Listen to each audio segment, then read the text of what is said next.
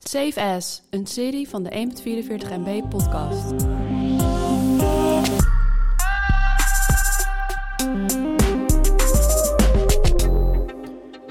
Ja, vorig jaar zei Matthijs al dat AR en VR het helemaal gingen worden. Dus dit lijstje kunnen we helemaal overslaan, toch Matthijs? ja. Gelukkig was er nog veel meer innovatie. En die hebben we natuurlijk weer even onder elkaar gezet. Nummer 5. Oké, Bram, mijn innovatie eh, is eigenlijk wel dat technologie goedkoper en beter is geworden. Niet altijd goedkoper, maar wel beter. Eh, Dat is eigenlijk best wel logisch. Maar eh, even om voorbeelden te noemen: de nieuwe GoPro, Ja. die is nog strakker, eh, hij is goedkoper.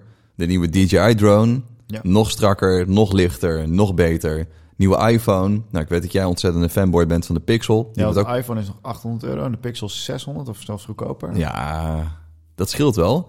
En maar alles wordt platter, gelichter en strakker. Ja. Nee, ik heb het allemaal niet gekocht, maar ik vind het wel vet. Nee, maar ik, ik, ik vind het ook goed dat je het niet gekocht hebt. Maar het wordt dus wel eh, een vorm van toegankelijker. En dat, dat kan alleen maar goed zijn volgens mij. Zeker. Eh, ik heb op nummertje 5 het eh, Pfizer COVID-19 vaccin. Hmm. Weet ik natuurlijk helemaal niks van, want ik ben daar helemaal niet eh, v- eh, in ge- getraind en geleerd. Maar ehm, wat ik gaaf vond is dat ze, normaal duurt zo'n traject zes jaar. En ze hebben het nu voor elkaar gekregen in een jaar. Ja, Eh, ja, dat vind ik echt wel een, eh, een mooie, mooie realisatie. Nummer 4. op nummer 4 heb ik GPT-3.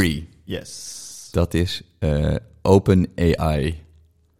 En heel kort gezegd is het, is het, eh, eh, het nog slimmer verkrijgen van data, data verwerken en dat soort dingen op een, eh, ja, op een toegankelijke manier.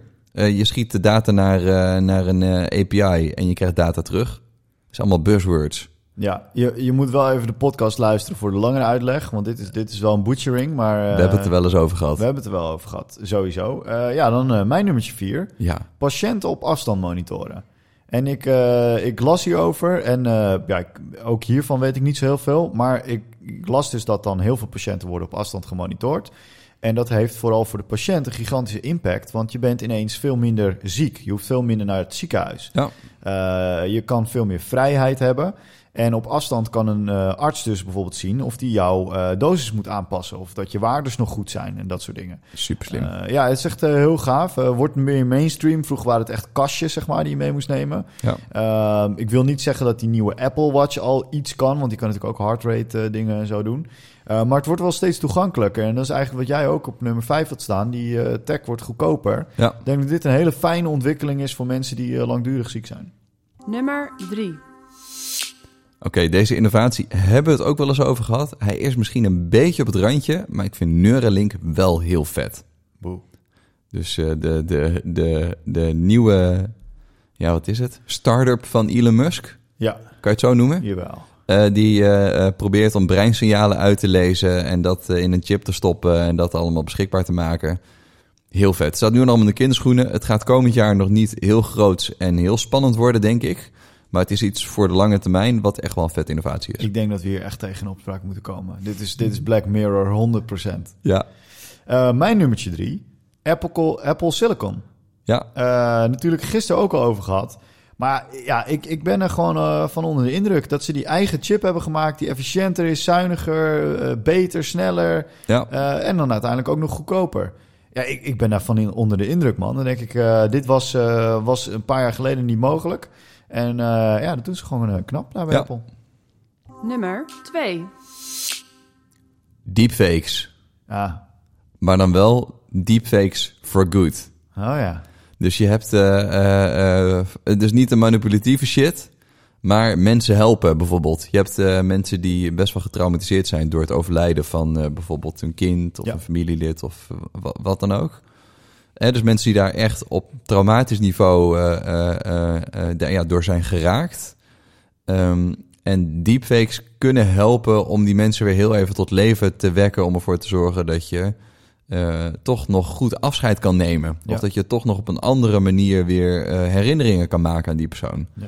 Nou, dat vind, ik, eh, dat vind ik heel vet. Ja, ik zag daar een filmpje over. Dat is, eh, dat is echt heel mooi dat dat bestaat, eh, Ja. denk ik. Eh, ik heb op nummer twee iets eh, heel plat staan. Dat is de Postmates Robots. Ja, Eh, en Postmates is een soort van eh, Deliveroo, Foodora, Uber Eats. ja, En die hebben dus nu in LA hebben ze Wally's. En die rijden over eh, de straat en die brengen jouw eh, levering, brengen jouw eten. Ja, En eh, ik zie dat dus in TikToks voorbij komen van mensen die in LA wonen, die Ja. dan zo'n ding tegenkomen. ja. Ja, dit is wel. eh, ja, ergens vind ik dit wel vet. Ehm, want ik woon in een, eh, een dorp. Ja, En eh daar komt dan zo'n jongen hier helemaal naartoe fietsen. Dat vind ik al heel zielig, weet je, dat hij hier naartoe moet fietsen. Maar ja, zo'n robot, eh, ja, dat daar heb ik minder gevoel bij. ja. Laat die maar lekker hier over de dijk eh, fietsen. Eh, ro- rollen. Rollen. Dus, ja. Dus ik, eh, ja, dat vind ik echt wel vet. Eh, ze schijnen ook nog echt wel goed te werken, want ze houden dus ook het eten warm. Oh, dat is wel nice. Ja, dat vind ik echt dope. Dat is wel nice. Oké, Nummer 1. Bram, even een kleine middelvinger naar je intro. ik heb een innovatie op nummer 1 staan wat een VR-toepassing is. Oh, oké. En dat is namelijk Supernatural.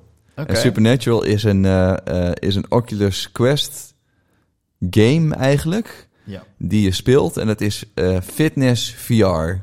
En als ik die video's bekijk, dan denk ik... Holy shit, dit is vet. Jij denkt, holy shit, laat me inloggen met Facebook. Eh, nee, ja.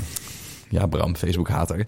Maar het feit dat je, dat je beweegt in VR... en dat je daar moeite voor moet doen... ik geloof dat dat echt wel een toekomstcomponent heeft. Ja. Het is nog niet verkrijgbaar in Nederland. Dat vind ik jammer. Het is ook best wel kostbaar. Je, bet- je hebt een abonnementsmodel van 15 piek per maand, geloof ik. Oké. Dus dat vind ik, nou ja, het, eh, eh, fitnessabonnement is duurder. Maar het feit dat je daar op die manier, ja, ik weet niet, daar vind ik er wel wat van.